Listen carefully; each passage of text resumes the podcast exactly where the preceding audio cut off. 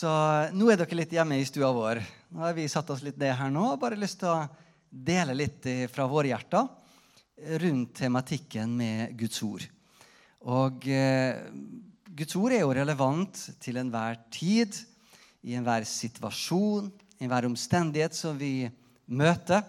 Helt ifra gammeltestamentlig tid med jødene inn i nytestamentlig tid og gjennom hele kirkehistorien så har Bibelen og det liv som flyter ut ifra denne boka, vært en rød tråd og en sentral eh, tråd som har vært vevd inn gjennom eh, trosliv i mange former og i mange uttrykk. Men det her er Gudsordet fra himmelen inn i våre liv. Skaper forvandling, skaper forventning. Eh, det her er kontaktpunktet mellom oss og Gud, er denne boka. Og Derfor så er den så sentral eh, for oss på så mange måter. Eh, også i dag er den kanskje mer sentral enn noen gang.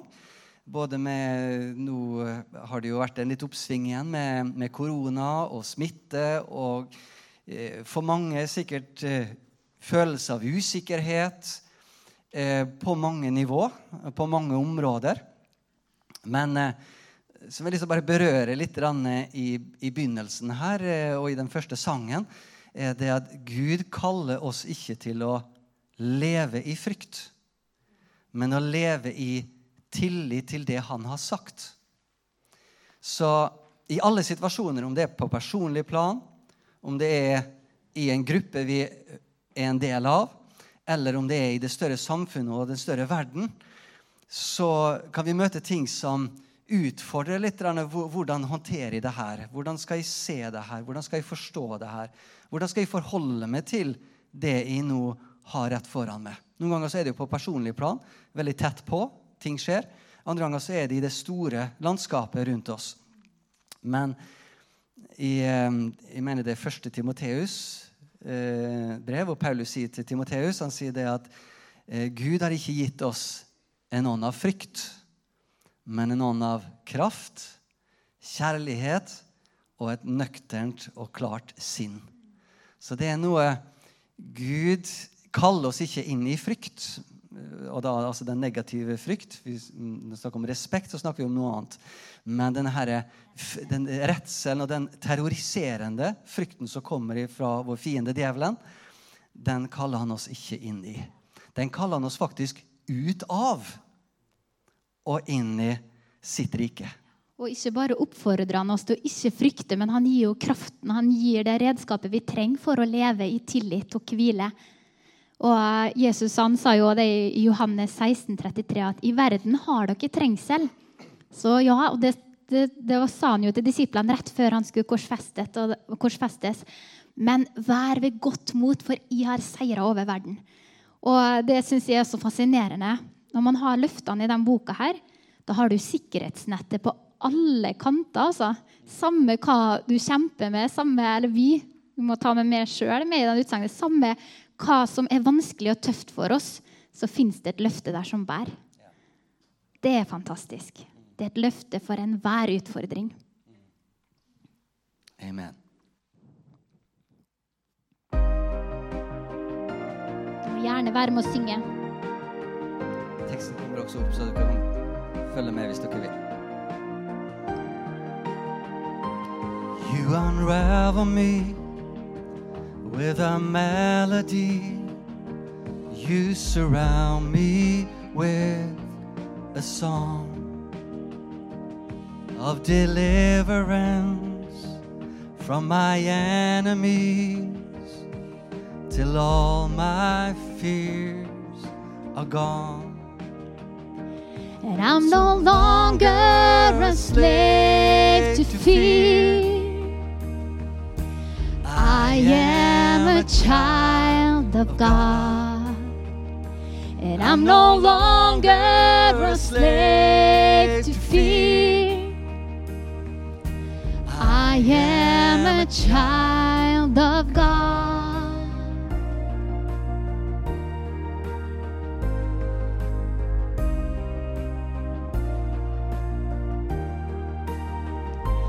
From my mother's womb, you have chosen me. Love has called my name, and I've been born again into a family. Your blood flows through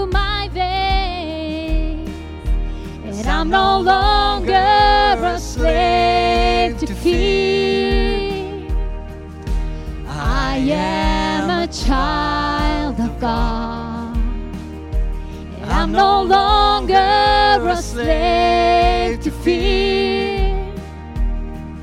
I am a child of God. And I'm no longer a slave to Vær med å fear. synge det ut hvis du vil. I am a child of God.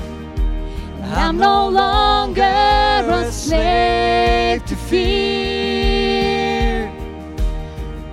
am a child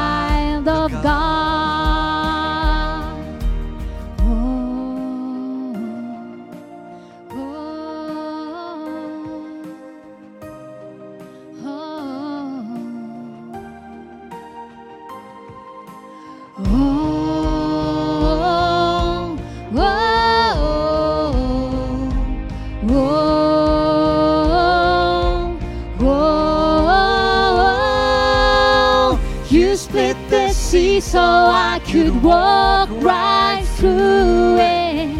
My fears were drowned in perfect love. You rescued me so I could stand and sing. I am a child of God. You split the sea so I could walk right.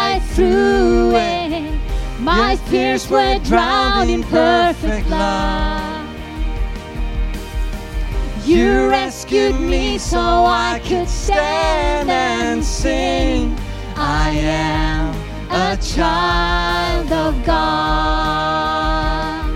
I am a child of God. I am a child of God.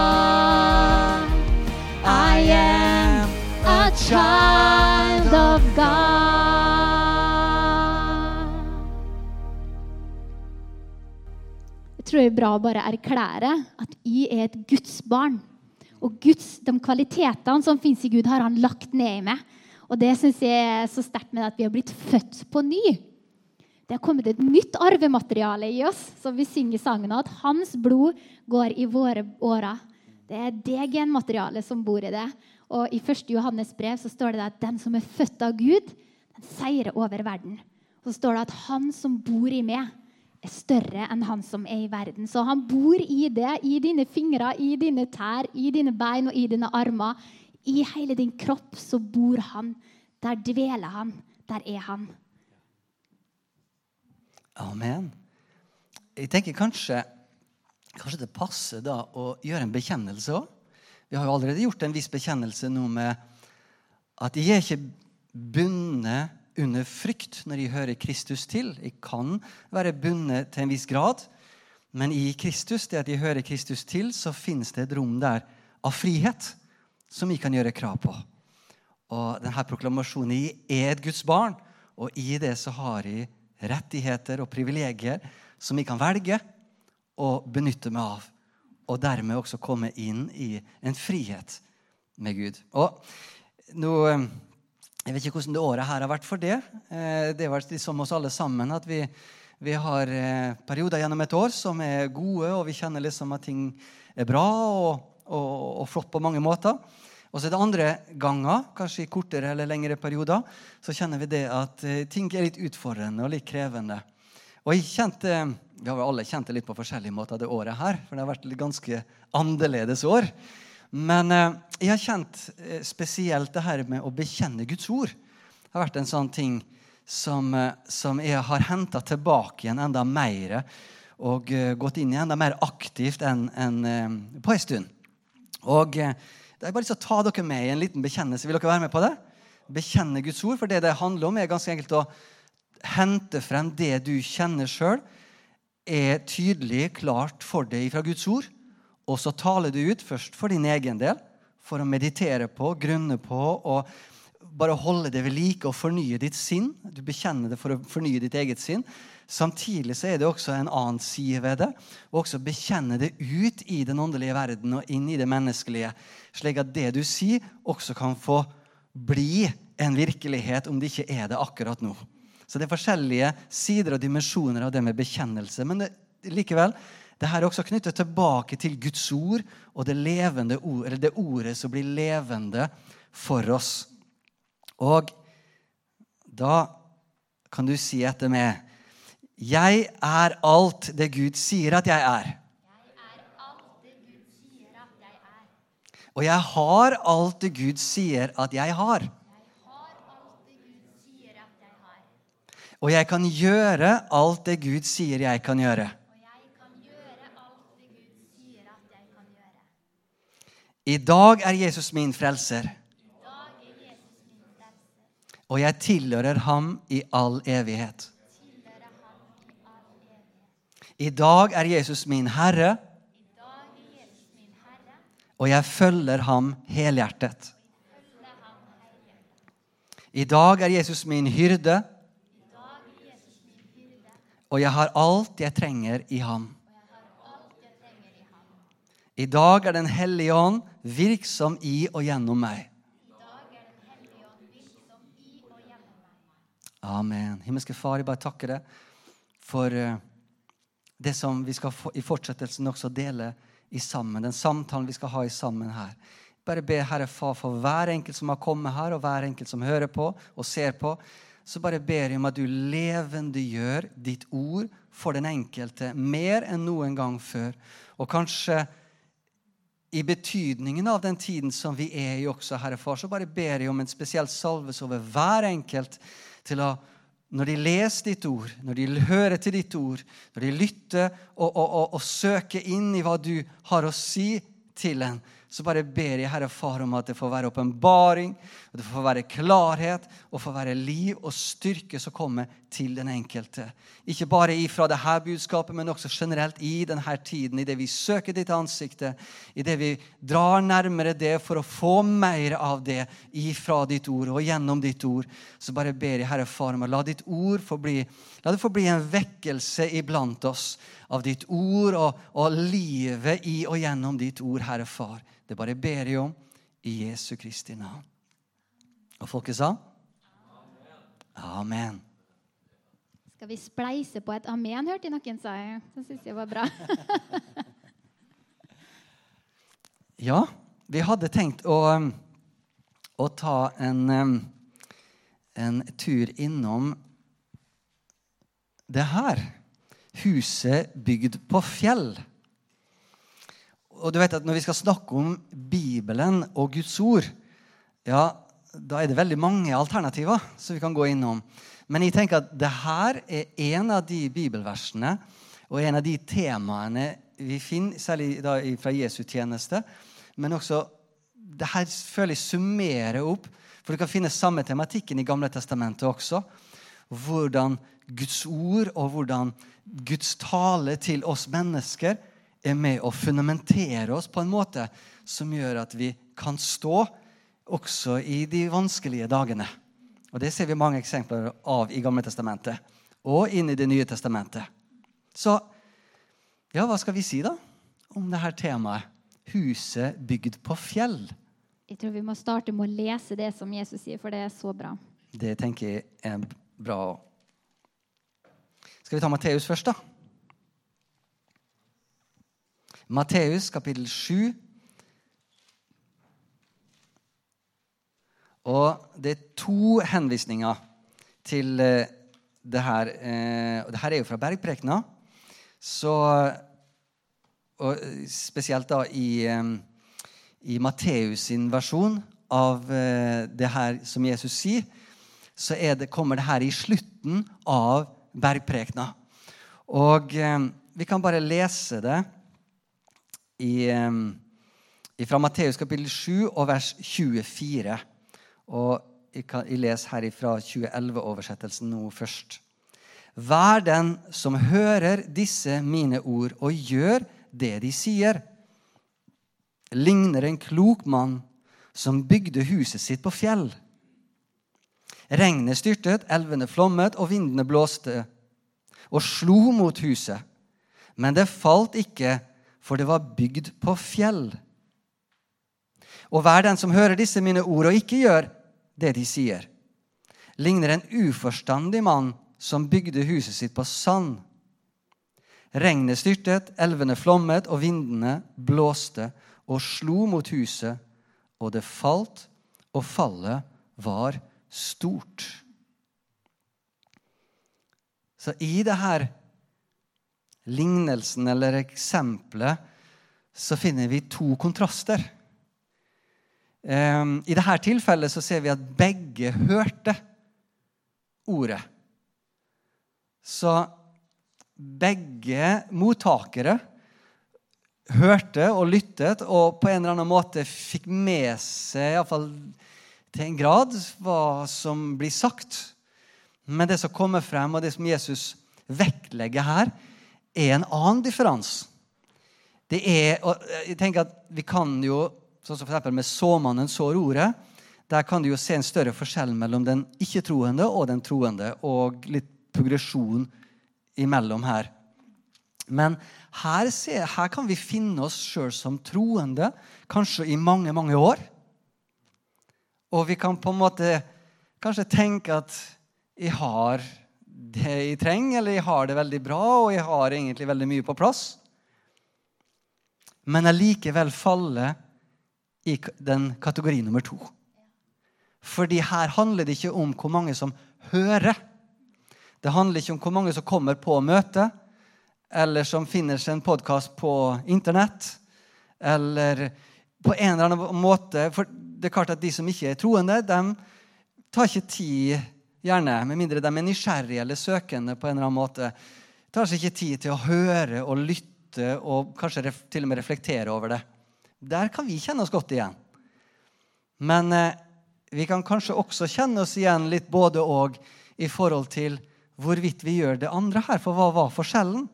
Jo, det står det at i den første står det 'Vær den som hører disse mine ord, og gjør det de sier'. Og med den andre så står det 'Å være den som hører disse mine ord, og ikke gjør det de sier'.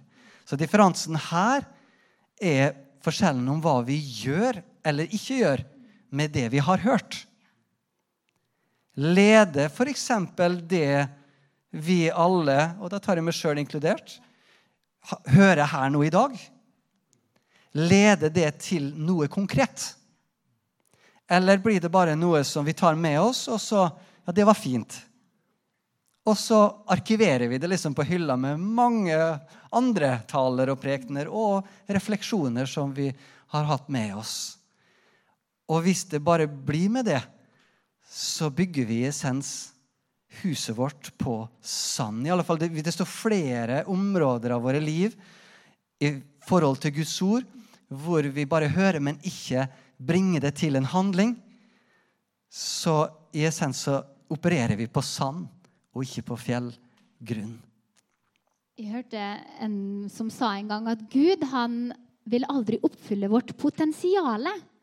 Og Gud han har jo frelst oss. Han sendte Jesus til å dø på korset, tok all vår synd, all vår skam, og han har rettferdiggjort oss i han. Så vi står hellige og rene og rettferdiggjort innenfor Gud. Det har han gjort. Det er helt komplett. Vi trenger ikke å røre en finger for å gjøre noe mer i forhold til akkurat det. Men med frelsen så ligger det et voldsomt potensial. Og i gudslivet vårt så ligger det et voldsomt potensial. Men det kommer ikke til å ramle ned i fanget vårt. Løsningene, svarene, eh, alt det som vi kan gjøre. Jesus sa at vi kan gjøre større gjerninger enn hans. Det kommer ikke automatisk bare fordi vi har sagt ja til Jesus Kristus og gjort han til herre i våre liv. Vi sitter på et potensial. Vi sitter også på et oppdrag som han har gitt oss. Men vi må faktisk røre på beina våre for å sette ting i verk. da, For å se ting begynne å skje. Hvis vi skal modnes som troende, så har vi også nødt å ta steg. Det er ikke noe Den hellige ånd gjør automatisk mens vi sover i senga. Så når vi våkner opp, så kjenner vi at nå har vi hatt en litt sånn nedlastning fra himmelen igjen. Så oi, det her visste ikke om før i la meg, nei, og det her skjønte ikke før i la meg. men nå, nå kom det automatisk. Eh, så vi må faktisk ta boka, hvis vi tar akkurat den sida. Vi er nødt til å åpne Guds ord. Og vi er nødt til å sørge for at vi blir mottakere. Det er dem som hører ordet. Og så har vi nødt til å lage oss en handlingsplan, hvis vi skal bli veldig praktisk. Hvordan skal jeg gjøre det her til en del av mitt liv, mitt trosliv? Hvordan skal det her bli en virkelighet i mitt liv? Og så skal jeg bare si én ting til, så kan du få ordet igjen. Eh, Jakob han omtalte Guds ord som et speil. Og hvis vi går og ser oss i speilet og glemmer hvordan vi ser ut, ja, da har det ingen nytte. Og sammen med Guds ord at vi må speile oss i ordet. Så når vi leser, så må vi la ordet få ransake oss og se at oi, eh, samsvarer det her med den virkeligheten som vi ser i mitt liv? Og hvis svaret er nei, så må vi, da må vi granske, og da må vi lære, og da må vi forstå, og så må vi iverksette. Så ser vi, for vi har, Guds ord er som et løfte. Og alle Guds løfter i Kristus er ja og amen. Gud til ære ved oss. Så det er vårt. Men vi må ta aktive steg, vi må ta trossteg for å se det bli en virkelighet i livet vårt. Og er det én ting Jeg håper å få med dere mange ting, og en hellig ånd forfriske og fornye og levendegjøre en rekke ting kanskje på innsida av det i løpet av denne samtalen vi har. Men om det bare er én ting du får med, så håper jeg at du i hvert fall får med det her. Et spørsmål i ditt eget hjerte. Hva er mitt neste steg i forhold til Guds ord? Vi alle sammen her er på, vi er på forskjellige plasser. ikke sant? Og vi, vi beveger oss forskjellig. ikke sant? At, så det som er mitt neste steg, behøver ikke nødvendigvis være ditt neste steg i forhold til og For noen kan det være det å meditere mer på Guds ord. Andre kan det være å lese mer, bekjenne mer. Kanskje For noen så er det å fornye seg i et bestemt tema som de kjenner det at de har behov for. For andre kan det være et helt annet tema som de har behov for. Men hva er ditt neste steg? Ja. Kjenn etter. Hva er Den hellige ånd? Og hva er det du ser sjøl? Hva, hva er ditt neste steg? Og hvis vi alle kan kjenne etter, lytte og ta et steg til i forhold til Guds ord, da har vi allerede skapt en liten bevegelse her i dag. Vi kan jo stille oss det sjøl det spørsmålet. Jeg kan stille med det spørsmålet. Fins det uoppfylt potensial i mitt liv i forhold til Guds ord? Og hvis svaret er nei, så kan du bare ta det helt med ro. så det er noe med det her bevegelsen. Jeg tror det, det, er en av de tingene her har Fra Matteus så har Jesus preka en lang preken over tre kapittel. Mange forskjellige temaer, mange forskjellige ting han har vært innpå. Og så avslutter han det. Altså han krone og avslutter og summerer opp det han har sagt, med dem som hører. Disse mine ord skal vi være helt nøye her, så refererer Jesus tilbake til det han har sagt i bergprekena. Selv om vi også kan finne det her som et generelt prinsipp i hele Guds ord. Men hvis du skal ta det Jesus sier her nå i sin kontekst og i sin sammenheng, og hvor det er sagt, så, så sier Jesus også noe konkret her. Nå har jeg gått gjennom punkt etter punkt, tema etter tema. Jeg har lagt frem en sak for dere. Hvorvidt dere bygger da et hus og et liv på et sikkert og trygt fundament eller på et usikkert grunnlag er basert på hva dere nå gjør med alt det jeg har sagt. Og da kan vi jo gå tilbake. Jeg skal ikke gå gjennom det i dag, men det er en interessant preken bare, bare å jobbe seg gjennom bit for bit av bergprekena. Med den refleksjonen av at desto mer jeg har evne å få nåde fra Gud til å sette i arbeid, sette i verk, handle på, bringe en livsstil inn i det som Jesus sier på de forskjellige tingene, som han berører gjennom bergprekena, desto mer bygges det et fundament i meg. Og da er det jo en rekke ting som Jesus sier i bergprekena som er vanskelig, og som er krevende, særlig hvis du står i en situasjon hvor det berører kanskje akkurat det temaet, som f.eks. gå en ekstra mil. Eller hvis at den har blitt urettferdig behandla, og det er liksom ting som er sårt og vanskelig, det å da faktisk gå en ekstra mil, gi fra seg den kappa, gjør det ekstra, tilgi, be for dem som forfølger, osv. Det er ikke enkelt. og Noen ganger så må vi bare være ærlige med oss sjøl. Det her klarer jeg ikke. Og Det er et veldig bra sted å komme til. Å erkjenne, å være ærlig og erkjenne det at akkurat nå så er det så sterke følelser på innsida av meg, nå er det så mye som rører seg, at jeg klarer ikke. Derfor vender jeg meg til deg, Gud, og ber om nåde og ber om hjelp i rette tid. Nå trenger jeg din hjelp. Jeg klarer ikke i egen kraft å tilgi. Men jeg lener meg til det, og så ber jeg om styrke og ber om nåde og ber om kraft. Og så velger jeg, selv om jeg ikke vet hva jeg skal be, så får du hjelpe meg å finne ordene til å be for denne personen som jeg ikke egentlig har lyst til å be for, men jeg gjør det likevel. Jeg setter det i handling. Jeg har hørt, jeg setter det i handling, selv om jeg ikke føler for det. Og da er du med på å bevege det sjøl og situasjonen i en retning som går kanskje stritt imot det om menneskelige og de omstendighetene. Men du beveger det over opp på et åndelig plan og på et gudsplan. Og det er godt at han er med oss og vil hjelpe oss å bygge huset på fjell, for det er jo et verk som han bare kan gjøre i livene våre. Det er jo ikke vi som kan gjøre i egen kraft, men vi må gjøre noe òg. Vi kan ikke bare stå passivt og tenke at Gud, nå må du gjøre det. Han utfordrer oss til å ta steg, og så tar han steg. Og så tar vi steget sammen, og så skjer noe i den miksen der. Helt sikkert. Men jeg tror mange kan kjenne seg igjen i det at det har, det har ikke alltid vært kjempeattraktivt med Bibelen. Jeg vet ikke om det er noe, noen som så litt strengt på meg nå. Men jeg husker når jeg ble frelst som 12-13-åring. Eh, eh, kan jeg bare få litt monitor eh, på mikrofonen her? Så, så, ville jo mamma veldig gjerne at jeg skulle begynne å lese Bibelen, og min storebror. da. Så de kom jo med en bibel i fanget mitt, og så, og så sa de liksom her, Sette, nå må du lese. Liksom, nå har du tatt imot Jesus, må du begynne å lese. Nei, du, det er så tynne sider. Det er skikkelig ekkelt å bla. Si. så jeg nei, vil ikke det. Og så kom de med en sånn pocketbibelbok med tjukke, vanlige sider. Nei, det, da husker jeg ikke hva unnskyldningen min var, da, men jeg måtte jo produsere nye unnskyldninger for hver mulighet som ble gitt meg. Og da tok jeg med meg så gamle biblene mine. Um, for jeg tenkte at dette, Men det kan hende det er mest en illustrasjon Eller jeg syns jo det her er veldig artig, da, men uansett så så fikk jo pappa Når pappa fikk vite da, at jeg hadde tatt imot Jesus, så tok han med meg ut og så kjøpte en bibel til meg. Det var den her. Lyserosa. Du ser det fargetemaet på biblene mine. Um, så, men det var ikke noe schwung over bibellesninga. Jeg husker jeg begynte å lese litt, fikk råd om å begynne å lese Johannes, og sånn, og jeg begynte å streke under. og liksom, Det var fint, men, men, det var liksom ikke noen driv der. da, Noe som fanga meg, egentlig. Um, og så var jeg med på en nødhjelpstur til Romania eh, i 98. Da var jeg 13 år. Og så, Da var han mannen her, han var ungdomslederen min på den tida. og så sier han på turen eh, at, eh, at, bare begynn å, å, si til Gud at Gud, jeg lengter etter det. Jeg vil ha mer av det i dag enn jeg hadde i går. Syns jeg var en fin bønn.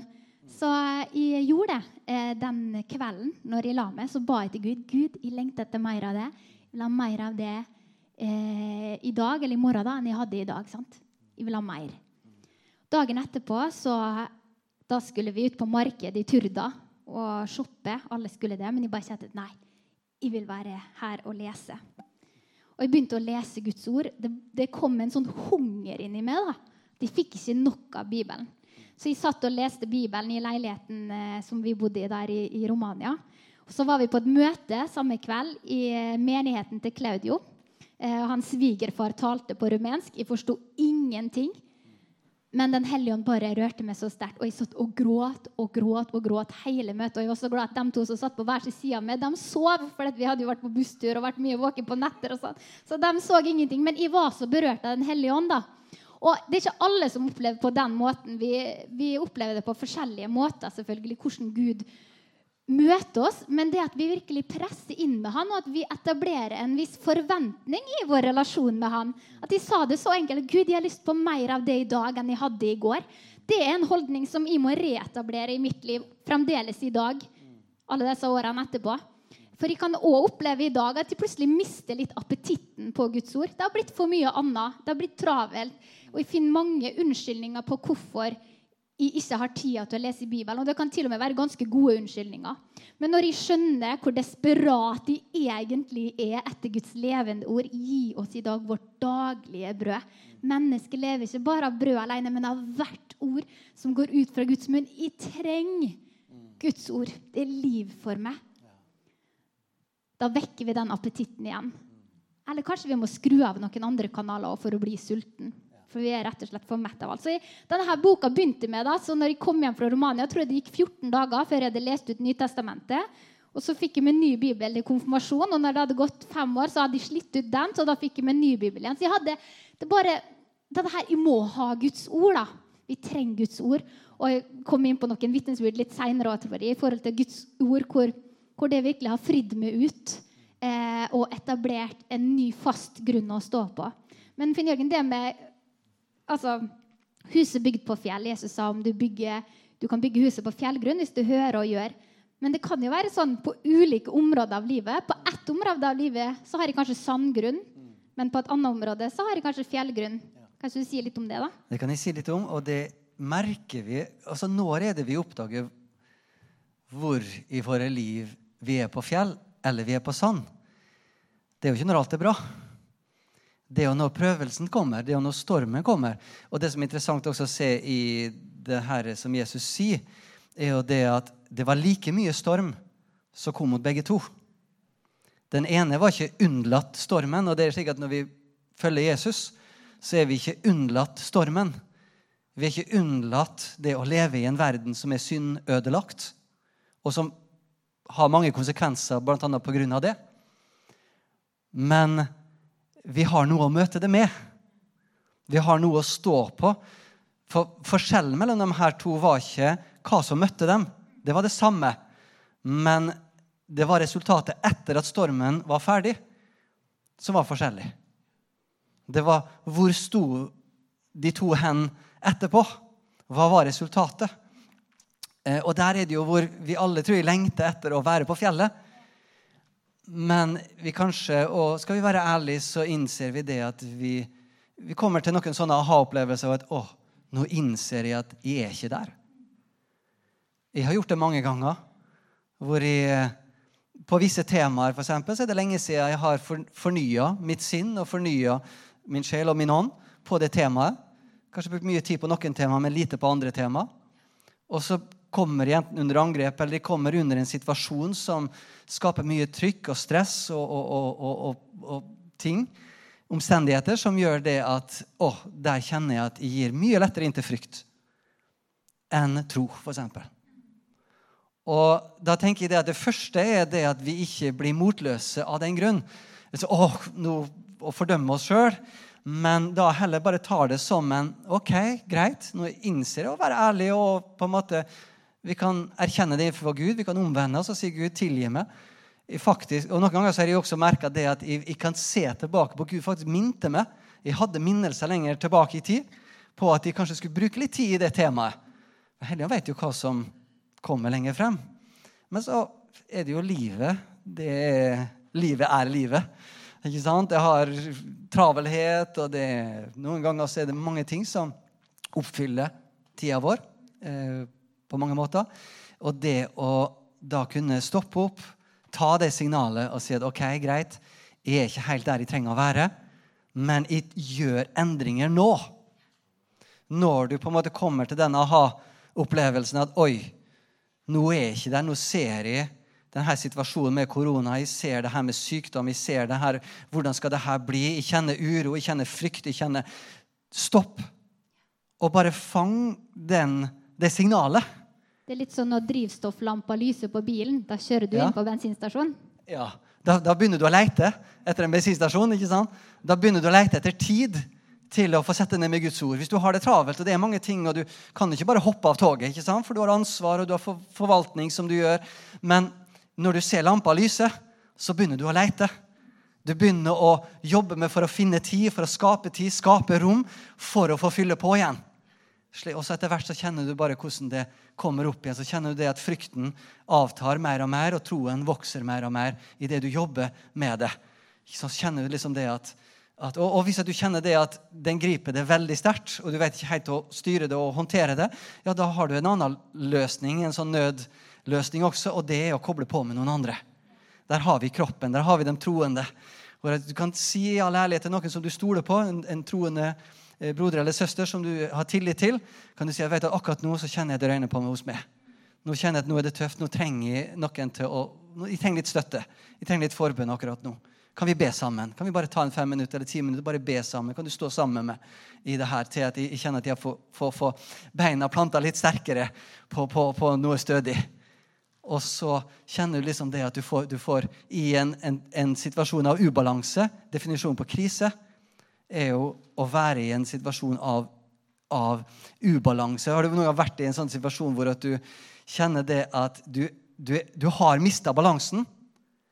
og du kjemper etter å prøve å hente inn balansen igjen, eller så går du i bakken. Du, du, på isen kanskje, eller et eller annet. ikke sant? Det, noen kan være bare et lite øyeblikk, men du bare kjenner liksom hvor du Et øyeblikk så er du i ubalanse.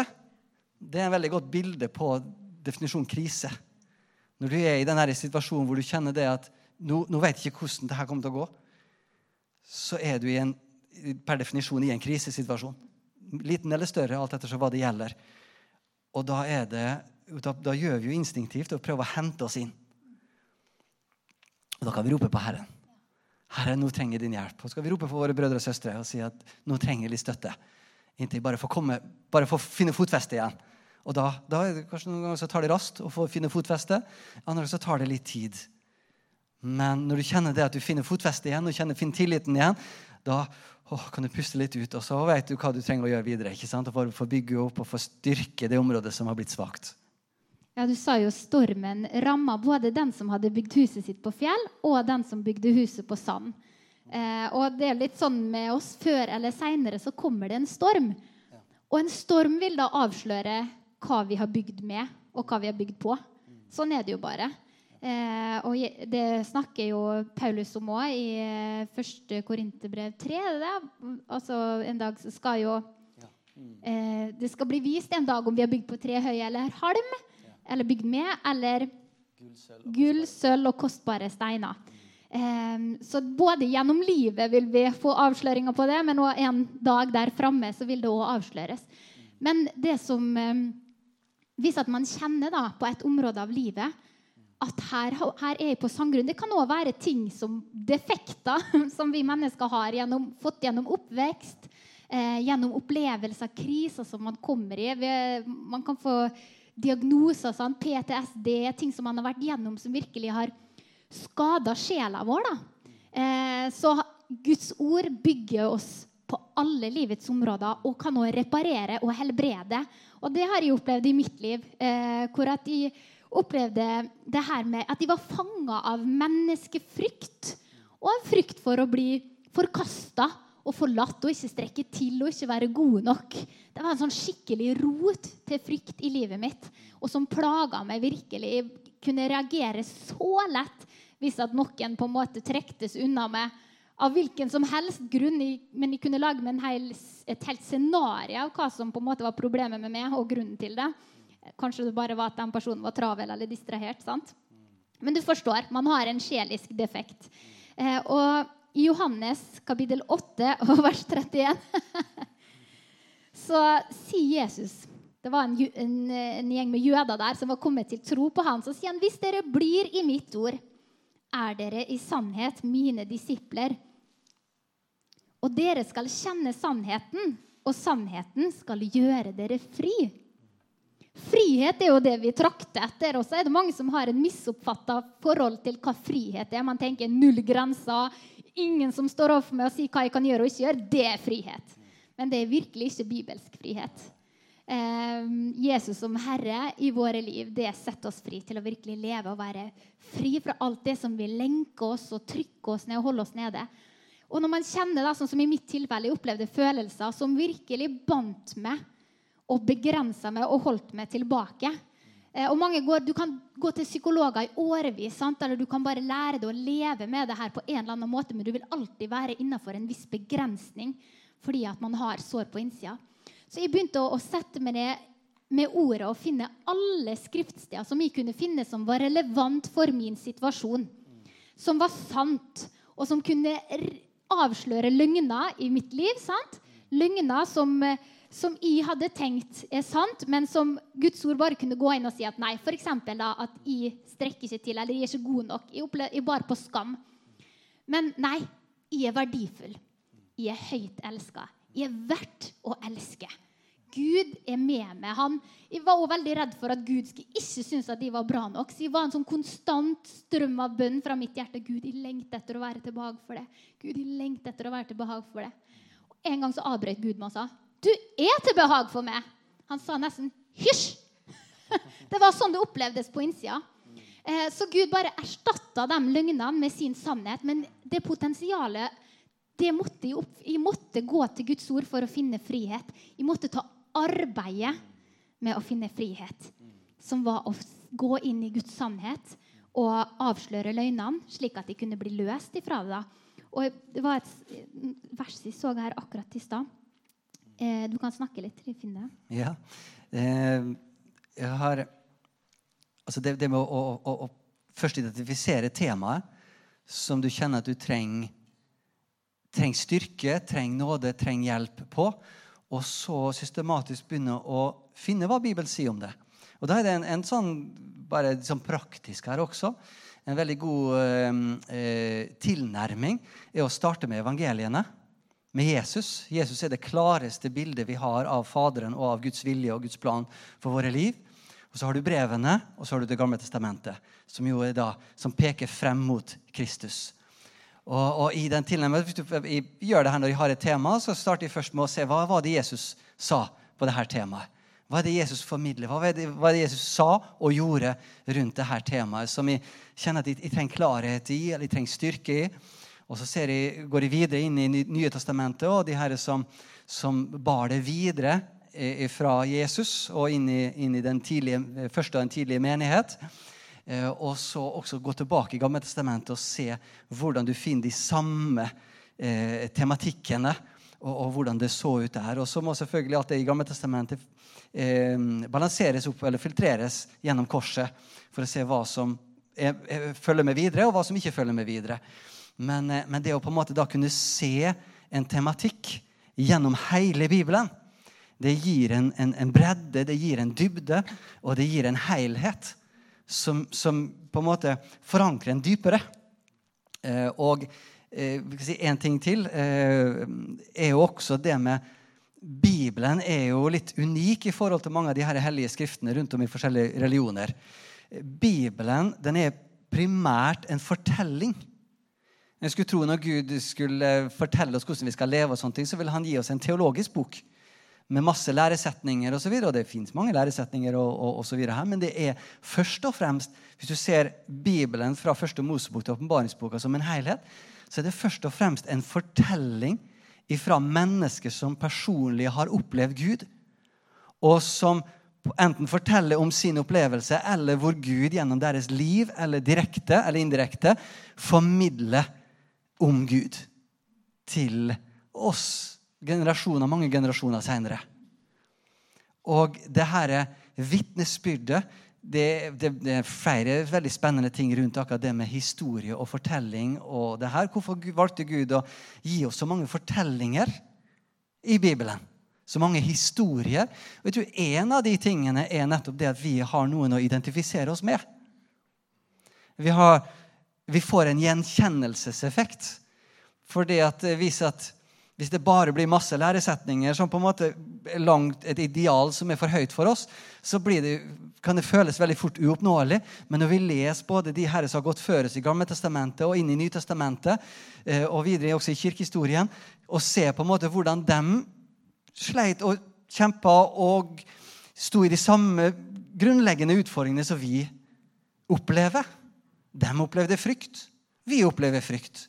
Hva var det de gjorde? Hva kan jeg gjøre? Og i det her så finner vi hvor Den hellige ånd levende gjør. Jeg kan bare fortelle bare veldig kjapt vitnesbyrd her om um, hvordan da jeg var i militæret i førstegangstjeneste tilbake på helt begynnelsen av 90-tallet. Eh, og eh, Det er mye mer å si om det, men veldig kort fortalt så, så klarte djevelen å få inn en, en, en, en frykt, og en frykt for døden. En dødsangst. Jeg med, for Når du kommer såpass tett på, og så var det litt forskjellige andre ting, så gjorde det at eh, når du får de her grafiske bildene av hva militære våpen og sånne ting faktisk gjør, og du kommer tett på det, og, og, og at du da også er litt sårbar, eh, og det her får komme på innsida På en eller annen måte så klarte iallfall Deven å, å, få sådd noen ting der som, som ble en sånn eh, ble en, en, tøff ting. da, ble en veldig krevende ting for meg. Og da husker jeg det at det var noe som vi måtte liksom bare rope til Gud gjennom det året. Og jeg var jo også en veldig krevende tjeneste, så jeg, jeg, jeg, jeg hadde ikke så mye tid liksom ekstra. Det var, ja, ikke så mye mer inn i akkurat det, men i hvert fall det var, jeg hadde ikke så mye rom til å, til å få bearbeide. Så jeg måtte bare ta det litt underveis og, og, og, jobbe med det og rope til Gud. Og jobbe med gjennom det. Men Gud var nådig, og Gud lærte meg mye også i det. Men jeg husker da jeg var ferdig med, med året i militæret, så bare visste jeg at her var det kommet inn en åpen dør. Her var det et svakt punkt det hadde blitt i livet mitt i forhold til hvis de skulle komme i bli sendt som soldat i en krig, eller skulle komme i en annen lignende type pressesituasjon hvor at det var lignende ting som jeg ville stå ansikt til ansikt imot, så visste jeg at pga. den svakheten så visste jeg, visste jeg, at jeg ikke hadde noe å møte det med utenom frykt og angst og liksom desperasjon og, og fortvilelse og liksom alt det som ligger på det menneskelige og, og, og det dimensjonen uten Gud. Og da bare visste jeg det at jeg har to valg. Når jeg var ferdig, så bare visste jeg at jeg har to valg. Jeg kan ta tak i det her nå og gjøre noe med det mens det enda er frist, eller jeg kan bare skyve det vekk, og kanskje det kan komme tilbake igjen seinere en gang. Og Da bare valgte jeg å bare gå inn i Guds ord. Begynte å finne alle de bibelversene. Jeg fikk tak i taleserier, undervisning over det med frykt. Eh, jeg gikk inn i forskjellige bibelhistorier, mediterte på det, mediterte på det, mediterte på det. I direkte opp imot de bildene som hadde, hadde bygd seg opp på innsida av meg. Hvis jeg en dag kommer i den situasjonen, i en krigssituasjon med alt det inferno og kaoset og, og, og ødelegge, altså, totale ødeleggelser og, ja, Det er vanskelig å sette ord på egentlig hvor, hvor, destruktivt og ødeleggende krig er når det kommer ned på personlig plan og på, på det helt konkrete. Eh, så, jeg, så, hadde jeg masse bilder som var bygd seg inn i forhold til hva det vil si. Og, og selvfølgelig da maktesløsheten og håpløsheten og alt det her. For det er, det er jo så voldsomme krefter som blir i sving. Men så begynte jeg å meditere på Guds ord.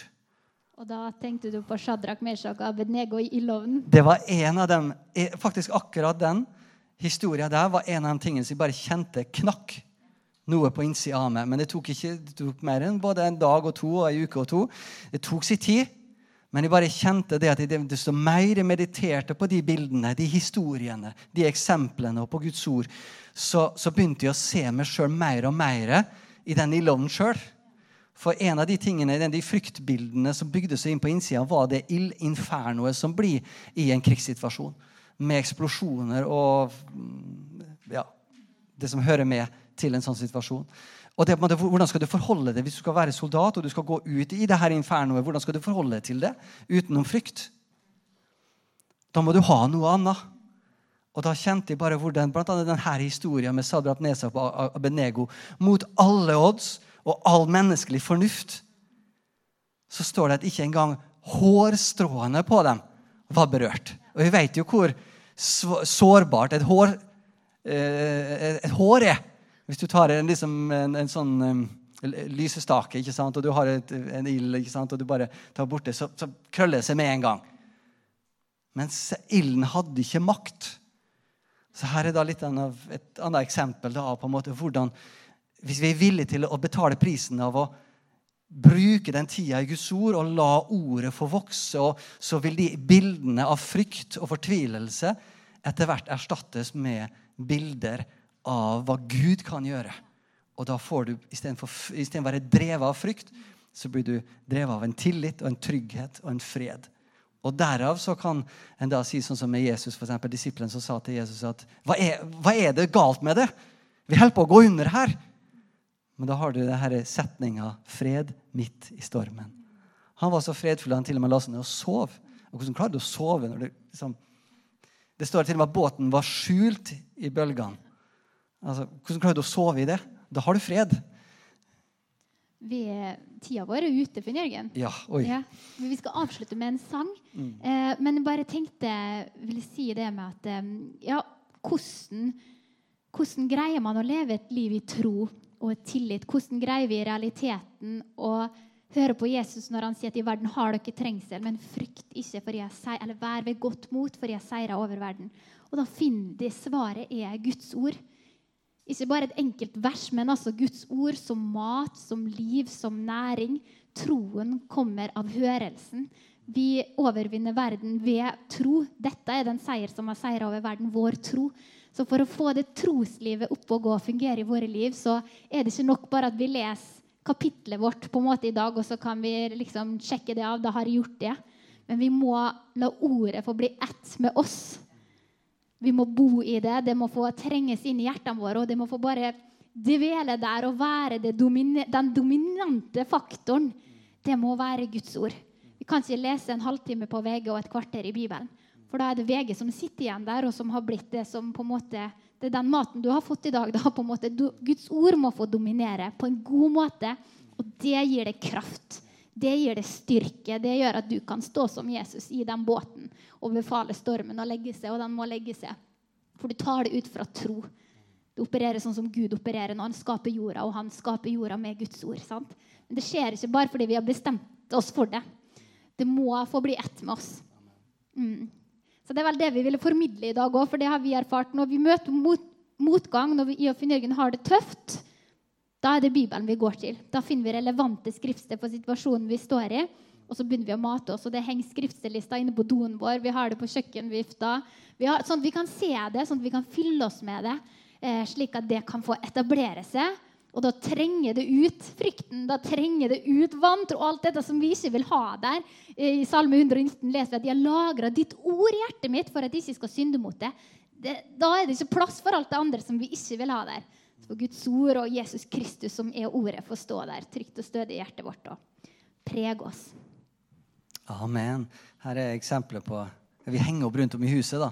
Så vi kan lese og meditere på do og på, på Do er en bra plass selv Ja om du er småbarnsforelder, for da kan du låse. Ja, da kan du lese Guds ord igjen og igjen, og på badet og på kjøkkenet og rundt om ellers.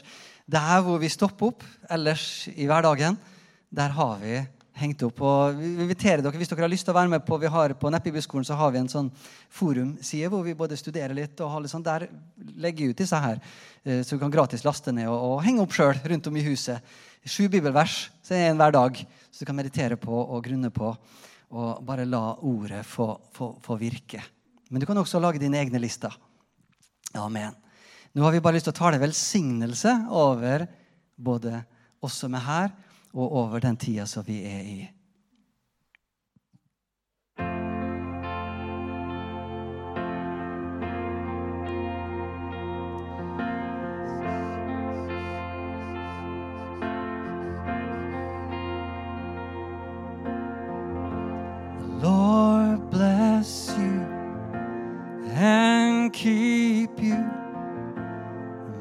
Make his face shine upon you and be gracious to you. The Lord turn his face toward you and give you peace.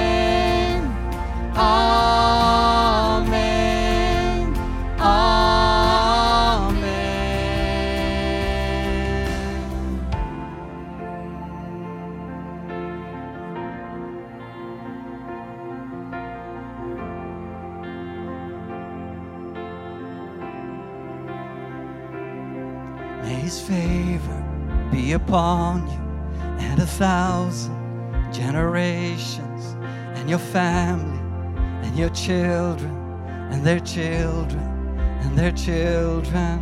May his favor be upon you and a thousand generations in your family, in your children, and their children, and their children. May his presence go before you and behind you and beside you, all around you and within you. He is with you, He is with you in the morning, in the evening, in your coming, in your going, in your weeping and rejoicing. He is for you, He is for you, He is for you, He is for you, He is for you, He is for you, He is for you, He is for you, He is for you. Amen. Amen. Amen. La oss bare reise oss opp og så synge det sammen. Amen.